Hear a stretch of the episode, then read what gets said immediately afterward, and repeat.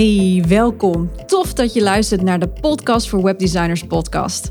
En in deze podcast neem ik je wekelijks mee in de wereld van websites, het runnen van een webdesignbedrijf, ondernemen, omgaan met klanten, processen optimaliseren en nog veel meer. Mijn missie is om ervoor te zorgen dat jij als webdesigner je skills en kennis blijft ontwikkelen, zodat jij je klanten nog beter kunt helpen en je proces zo efficiënt mogelijk wordt. Ik ben je host, Cheryl Porslein, strategisch webdesigner en mentor voor webdesigners. En dit is de Podcast voor Webdesigners podcast.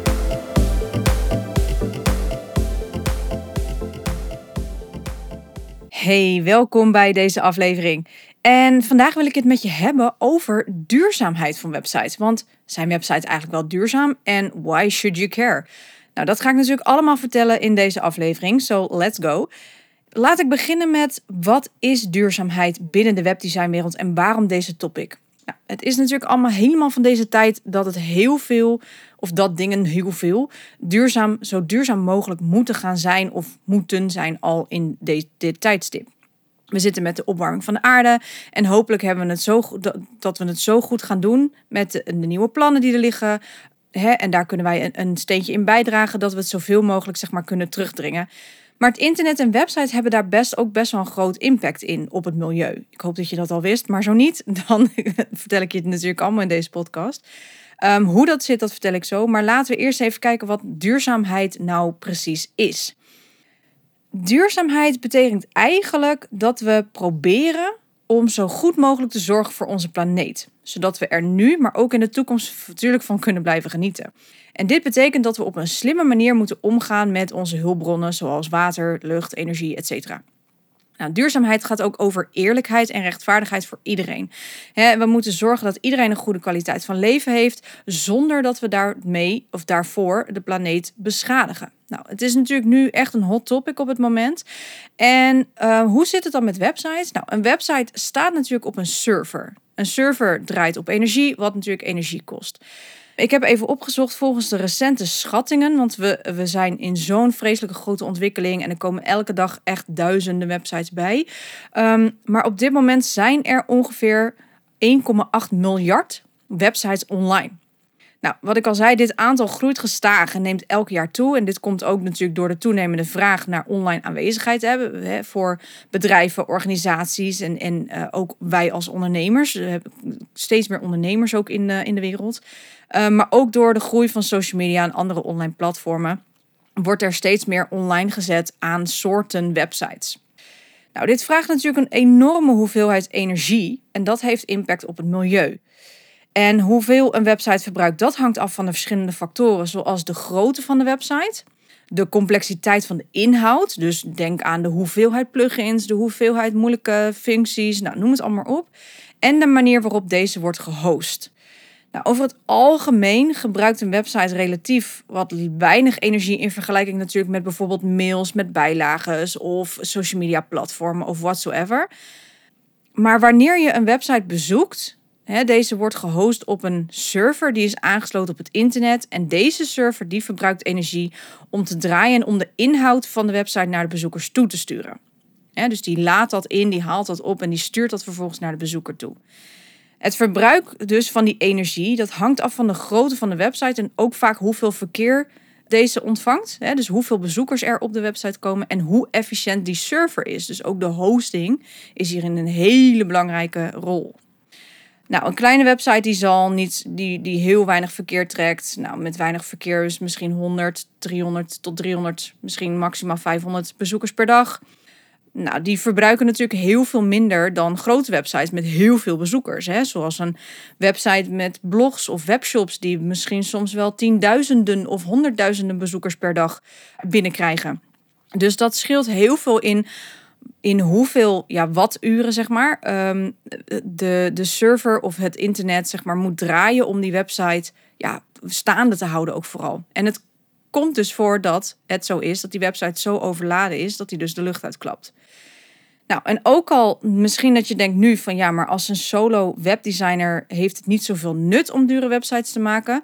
Ik ben van mening dat alle kleine beetjes helpen. Plus, het kan ook weer heel erg voordeel hebben in je positionering. Dus als jij je nog ergens op wil uh, positioneren en je struggelt ermee, dan zou je hier zeker eens een keer naar kunnen kijken. Nou, waarom is een dure website nou zo belangrijk? Laten we daar eens even induiken. Het is belangrijk omdat het, een omdat het zo min mogelijk impact gaat brengen of ja, eh, dragen in het milieu, op het milieu. En het helpt om een duurzamere samenleving te creëren. Zeg maar. Ook al zijn het hele kleine websites die je maakt.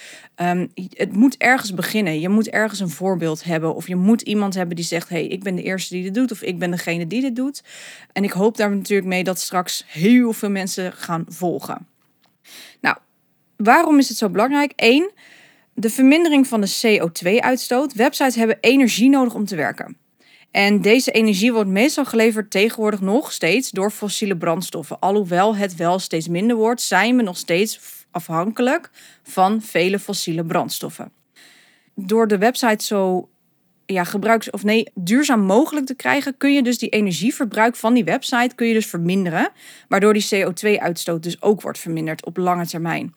En dat kan dus bij, ja, bijdragen aan het minder snel opwarmen van de aarde. Heel simpel.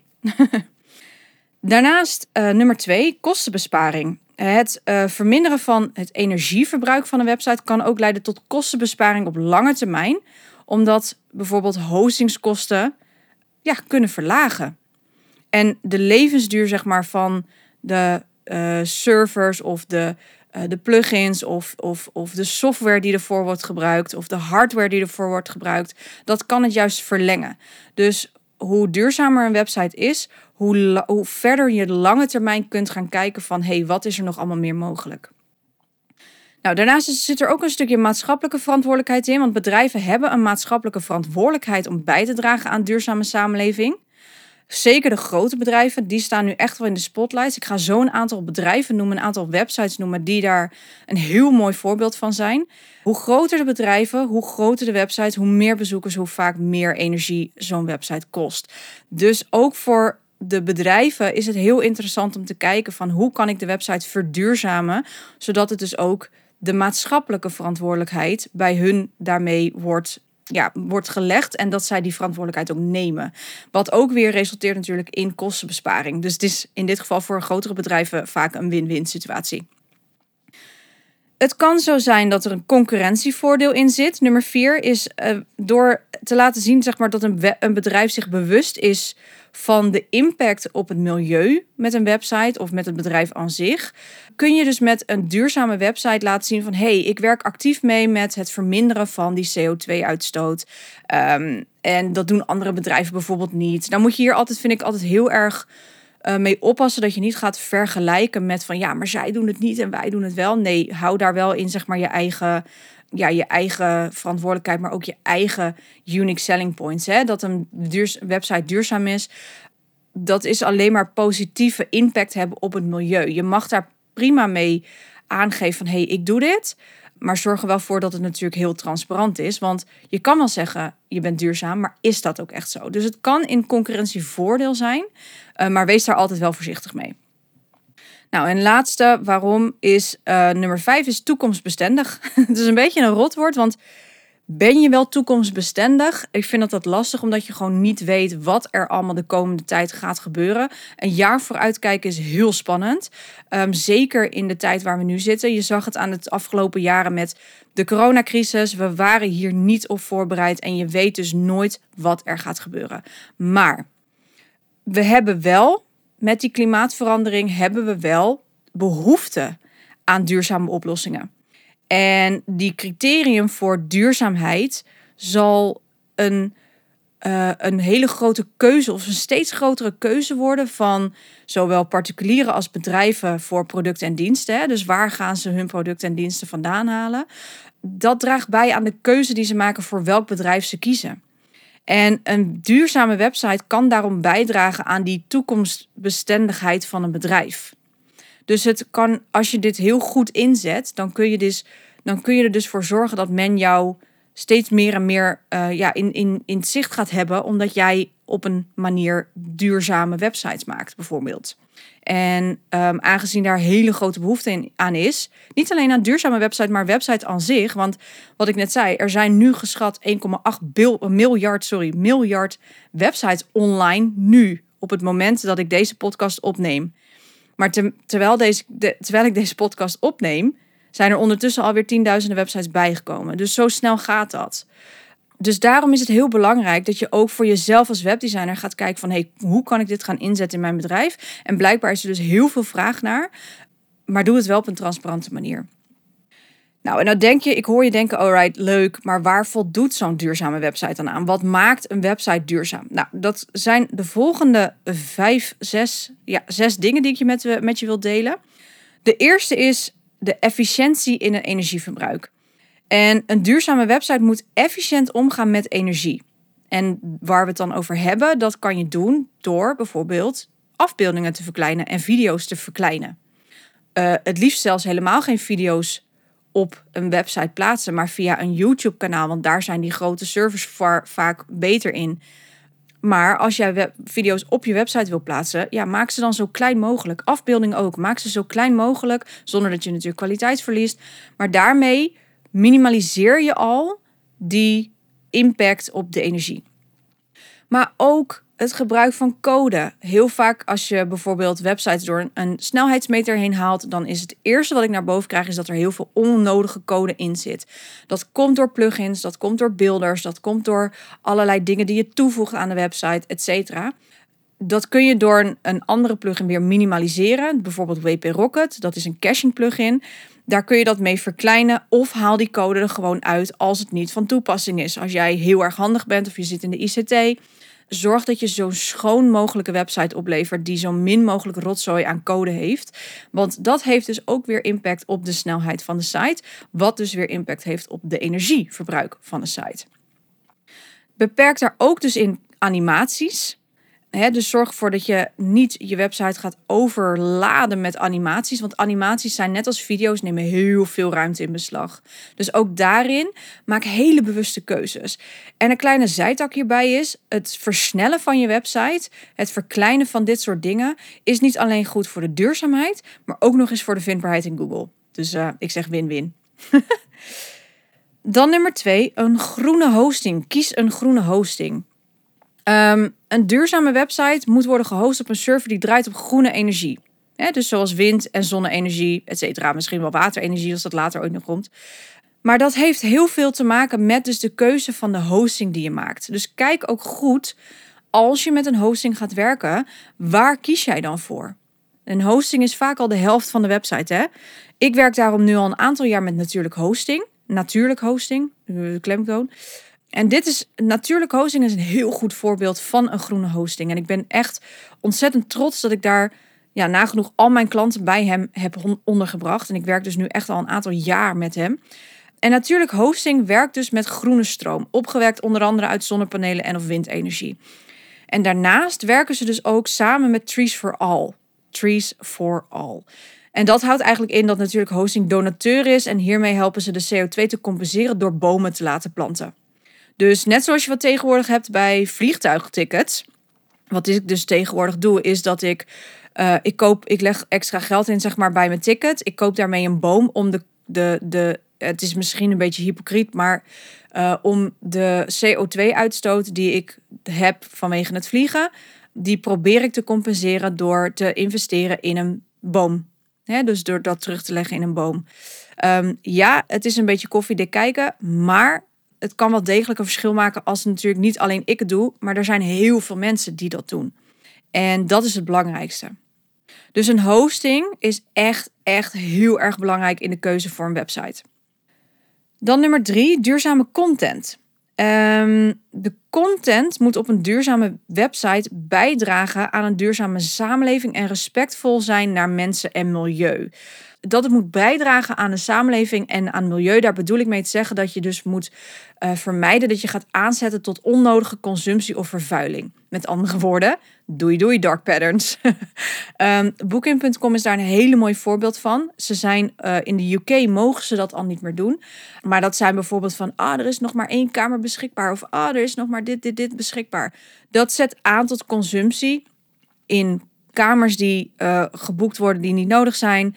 Maar ook bijvoorbeeld webshops die bepaalde dark patterns gebruiken om uh, producten die je eigenlijk helemaal niet nodig hebt aan te schaffen, waardoor je dus meer distributie nodig hebt. Nou, noem het allemaal maar op. Daar zit heel veel nog tussen natuurlijk, maar dat zijn dark patterns. En mocht je meer willen weten over dark patterns, beluister dan even aflevering 122. Daar leg ik precies uit wat dark patterns zijn. Maar laten we daar lekker van wegblijven. Dus duurzame content, doei dark patterns. Dan, als vierde punt, is het heel belangrijk dat je de website goed blijft onderhouden. Een duurzame website die moet regelmatig worden onderhouden, moet regelmatig worden bijgehouden om ervoor te zorgen dat deze efficiënt blijft werken en up-to-date is en blijft met de nieuwste technologieën en beveiligingsupdates. Dus zorg dat je dit standaard opneemt in je werkzaamheden. Jij als webdesigner. Dus als jij websites aan het bouwen bent, als jij websites aan het maken bent, zorg dat je dit standaard twee keer in de maand zeker doet. En bied alsjeblieft na oplevering van een website of een onderhoudsabonnement aan bij jezelf of bij iemand die dat voor jou doet. Maar bied dat in ieder geval aan, zodat je dus deze veiligheid en die snelheid ook en die nieuwste technologie, et cetera, dat dat in ieder geval gewaarborgd kan blijven. Dus dat is heel belangrijk voor jou als webdesigner om daar absoluut mee rekening te houden. Dan nummer 6 is de toegankelijkheid. Deze zou je misschien niet zo heel snel onder duurzaam bedenken, maar dat is wel degelijk duurzaam, want een duurzame website moet toegankelijk zijn voor iedereen. Dus inclusief mensen met een handicap of een beperking. En dat noemen we inclusive design in een mooi woord. Ik ga hier nog een andere podcast uh, los over maken, want dit is ook een ontzettend interessant onderwerp. Maar het gaat er dus meer en meer belangrijk worden dat we niemand meer mogen gaan uitsluiten op websites. En dat kan zijn mensen met een handicap, mensen met visuele beperkingen. En vooral als je denkt over visuele beperkingen, kun je denken aan mensen met dyslexie. Dus gebruik duidelijke lettertypes. Gebruik bijvoorbeeld lettertypes die iedereen kan lezen. Gebruik een lettertype grootte die iedereen kan lezen.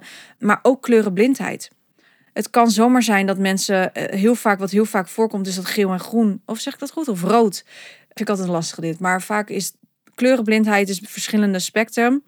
En ehm, ja, door misschien wel niet de juiste kleuren op je website te gebruiken, is het heel erg lastig voor heel veel mensen om uh, de website te kunnen zien of om de button te kunnen zien die juist zoveel contrast oplevert.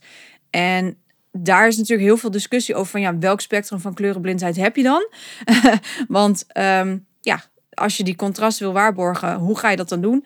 Maar daar ga ik zeker een andere keer een podcast over opmaken. Maar het is dus heel belangrijk dat je website, ook al is duurzaamheid niet puur en alleen uh, heeft het te maken met milieu, het heeft ook te maken met de mensheid. En visuele beperkingen, maar ook lichamelijke beperkingen uh, kunnen ervoor zorgen dat mensen worden uitgesloten op een website. En een heel goed voorbeeld daarvan is bijvoorbeeld de Belastingdienst. De mensen, ik woon bijvoorbeeld hier op een flat in Hillegom. En deze halve flat zeker mijn galerij, mijn, mijn nagenoeg mijn hele galerij op eentje na, en ik dan, die zijn 80 plus.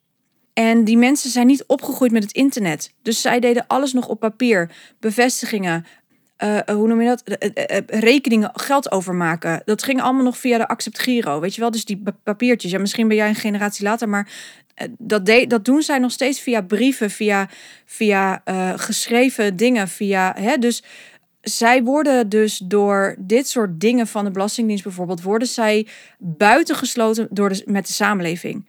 Doordat zij niet kunnen inloggen op de Belastingdienst bijvoorbeeld, of dat zij niet hun inkomstenbelasting kunnen zelf uitvoeren, worden zij buitengesloten van de maatschappij. En daar zit de crux in. Dus dat is ook heel erg belangrijk voor jou als webdesigner. Van hey, wie zit er allemaal in die doelgroep die, ik, die mijn klant uh, heeft? Hè, zitten daar oudere mensen in, dan betekent dat je daar dus rekening mee moet houden en dat je je website daar dus op moet gaan aanpassen, zodat je ze dus niet uit gaat sluiten. Maar je moet dus andere mensen daarin ook niet vergeten. Dus ja, tuurlijk focus op de, op de wat ouderen misschien, maar vergeet niet de mensen die bijvoorbeeld wel aan de eigenschappen voldoen, maar misschien maar 30 of 20, 20 of 30 jaar oud zijn bijvoorbeeld. Dus inclusieve designs worden steeds en steeds belangrijker. Die toegankelijkheid wordt steeds en steeds belangrijker. Al is die al nu al super belangrijk. Dus die wilde ik echt even, even uitlichten voor je. Als laatste punt van waarom, ja, waar een website die duurzaam is aan voldoet, is de privacy en beveiliging. Een duurzame website moet de privacy van de gebruikers en hun gegevens beschermen door middel van veilige gegevensverzameling en opslag. En een belangrijke is daarbij dat natuurlijk altijd de SSL-certificaat aanstaat. Dus voor, voor jou als webdesigner is dat natuurlijk gewoon een standaard gegeven. Want ook voor Google is de website namelijk niet veilig. Dan blokkeert Google de toegang. Dat betekent dat de website dus voor Jan Doker online staat, maar niemand kan daarop. Dus het kost wel zeg maar energie, maar niemand die daar gebruik van kan maken. Dus dat is echt een verlies uh, item in dat geval.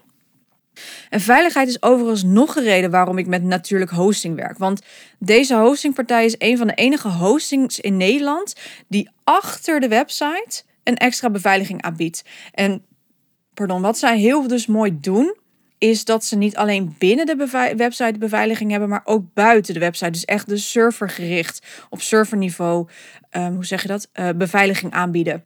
En wat zij doen is zij scannen de website en zij scannen op plugins bijvoorbeeld die updates hebben openstaan en of daar eventueel een lek in zit. Zit daar een lek in, wordt dat meteen met een stukje code gedicht, waardoor je dus bijna niet meer hackgevoelig bent.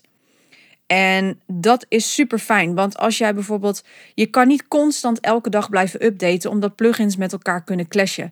Dus het is niet de bedoeling dat je elke dag gaat updaten, maar zelfs al zou er zeg maar, uh, stel dat jij net vandaag hebt geüpdate en het blijkt dat morgen een update staat, weer van diezelfde plugin, dan heeft in die tijd dat jij hem hebt tussen de update hebt gedaan en opnieuw moet updaten, had er zomaar al een lek in kunnen zitten en een achterdeur in kunnen zitten. Dus hoe vaak je ook update, het is niet bij te houden. Dus daarom is het des te belangrijker dat je dus ook die privacy en beveiliging buiten de hosting alleen, uh, of binnen je hostingpartij bedoel ik, ook gaat opzoeken. En heel veel hostingpartijen hebben dit absoluut niet. Waardoor jij verantwoordelijk bent voor de veiligheid van jouw gegevens, van je bezoekers en je klant. Kortom, want dit waren de zes punten. Een duurzame website moet dus efficiënt omgaan met energie. Moet dus gehost worden op een groene server, zoals natuurlijk hosting. Moet bijdragen dus aan een duurzame samenleving doordat de toegankelijkheid voor iedereen is. Nou, moet regelmatig worden onderhouden. En je moet dus de privacy en de, beschermers, de gebruikers beschermen.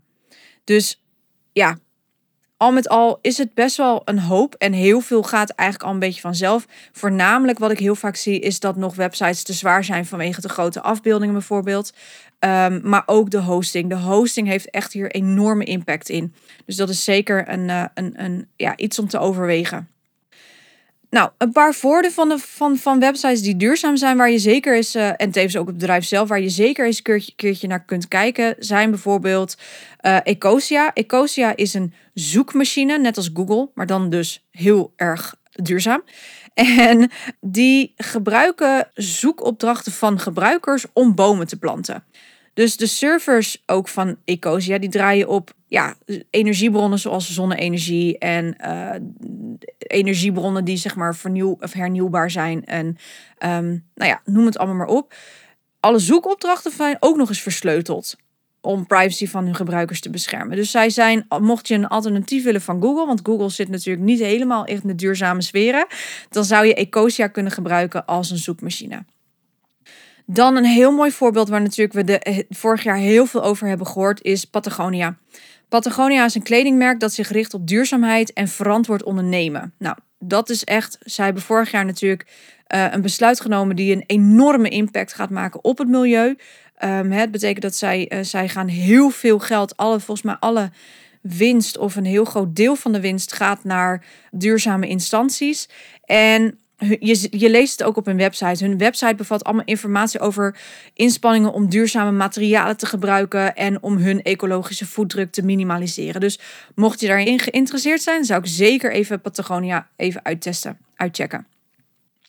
Dan een heel mooi project waar ik zelf af en toe ook wel eens een keer uh, naar kijk, is die Ocean Cleanup. En die Ocean Cleanup is een non-profit organisatie die richt op het opruimen van plastic uit oceanen. En hun website bevat informatie over hun missie, een missie over de inspanningen die ze hebben. En ze delen ook verschillende educatieve materialen, dus blogs, video's, uh, uh, artikelen, noem het allemaal op, over die plastic vervuiling en hun oplossingen daarin. En hun website is dus ook heel erg duurzaam. Dan een bedrijf Done Good. Done Good is een online marktplaats die duurzame en ethische producten aanbiedt. En hun website bevat bijvoorbeeld informatie over de merken die zij aanbieden en de duurzaamheidsprincipes die zij hanteren. Dus zij zorgen ervoor dat de juiste duurzame producten op hun website terechtkomen, inclusief dus alle uh, waar zeg maar alles aan moet voldoen en waar dus ook alles aan voldoet. De merken die zij dus op hun marktplaats uh, laten zien. Dan als laatste nog uiteraard het Wereld Natuurfonds. En Wereld Natuurfonds is natuurlijk, zoals we weten, een non-profit organisatie die zich richt op natuurbescherming en natuurlijk duurzaamheid. En hun website bevat informatie bijvoorbeeld over hun missie en inspanningen, evenals dus ook weer educatieve materialen over natuurbescherming en duurzame oplossingen. Maar ook hun website is dus duurzaam, draait op een server die weer, uh, of op een hosting die weer zonne-energie en windenergie uh, gebruikt om die website de lucht in te laten. Nou, een paar hele mooie voorbeelden dus. Het laatste wat ik hierover wil zeggen, want ik heb heel veel informatie ondertussen met je, met je gedeeld, is dat het internet wel voortdurend evolueert. En dat we nieuwe technologieën en, en, en nieuwe toepassingen, ja, dat, dat nieuwe websites zeg maar veel, veel mogelijk maken, maar dat er ook steeds meer mogelijk is om nieuwe websites te kunnen plaatsen. Dus het is heel goed mogelijk dat het aantal websites natuurlijk in de toekomst blijft groeien. Dat betekent voor jou en mij als webdesigner dat je best kritisch mag zijn, bijvoorbeeld welke hosting je gebruikt. Maar dat betekent ook dat wij als webdesigners echt, echt nodig gaan zijn. En dat we ook best wel zelf dus die duurzame websites mogen gaan omarmen. En dat we dus kritisch mogen zijn in waar we hem hosten, in wat we erop zetten. En dat we onze klanten hierin mogen gaan begeleiden. We zijn in ieder geval heel hard nodig. Want uh, zoals ik al zei, er komt heel veel meer bij. Steeds meer en meer en meer gaat online. En ja, daar hebben we gewoon wij ons als experts in dit geval gewoon voor nodig. En um, ja, ik hoop dat je hier natuurlijk weer over hebt nagedacht. Of dat je in ieder geval weer aan het nadenken bent gezet. Dus ik vraag me ook af, sta jij hier wel eens bij stil als je websites maakt? Is dit iets wat je ja, waar je aan denkt als je een website maakt. Ik denk het niet. Ik deed het in het begin ook niet. Dus daarom dat ik wel heel graag dit topic al, dit had ik al heel lang op mijn lijstje staan, dit onderwerp.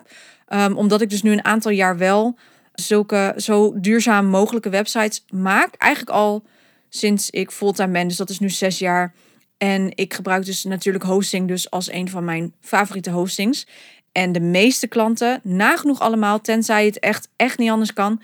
Maar uh, die zitten allemaal bij natuurlijk hosting ondergebracht. Dus mijn websites zijn in ieder geval al voor 1 zesde, zeg maar. om even die zes punten aan te halen. Zijn voor 1 zesde duurzaam. Um, en daarin is het natuurlijk mijn taak dat die website natuurlijk goed beveiligd is. Maar ook via de hosting. Dus ik raad ook via mijn klanten, uh, via de hosting, dat extra beveiligingspakket aan. Dus daar heb ik alweer twee zesde van uh, ge, gecoverd. En vervolgens is het natuurlijk aan mij om de website snel en effectief en efficiënt te houden. Ik hoop dat je hier weer wat aan hebt gehad aan deze podcastaflevering. Voor nu ja, wens ik je gewoon een hele fijne dag. Ik uh, zou zeggen, duurzame, duurzame websites zijn echt uh, belangrijk. Dus nogmaals, mocht je hier een keer over willen sparren... of als je denkt van, hé, hey, ik heb hier echt wat aan gehad... deel het met me, zou ik echt heel erg tof vinden. Hele fijne dag en tot de volgende keer. Alright, groetjes. Doeg! Thanks for listening. Wil jij je skills verder uitbreiden of verdiepen, je processen optimaliseren en simpel en effectief willen leren werken? Dan is het mentorship voor webdesigners perfect voor jou. In dit zes maanden durende één op één traject krijg je een volledig kijkje bij mij in de keuken. Ik ga samen met jou diep op de materie in op de onderdelen waar jij op vastloopt. Denk aan proces, goed feedback leren ontvangen, hoe je bepaalde designkeuzes maakt op basis van die informatie die je ontvangt. Maar ook hoe jij je klanten nog beter kunt helpen met bijvoorbeeld het schrijven van goede teksten, hoe jij je adviesrol kunt inzetten en hoe je lange termijn trajecten kunt aangaan. Nou, dit allemaal doe ik op basis van mijn eigen webdesign procesformule die uit vijf fases bestaat. En dat is research, design, build, launch en grow. Wil jij weten of dit traject perfect is voor jou? Let's talk about it. Plan direct een afspraak in via mijn digitale agenda op www.cprecision.nl/slash mentorship voor een vrijblijvend intakegesprek.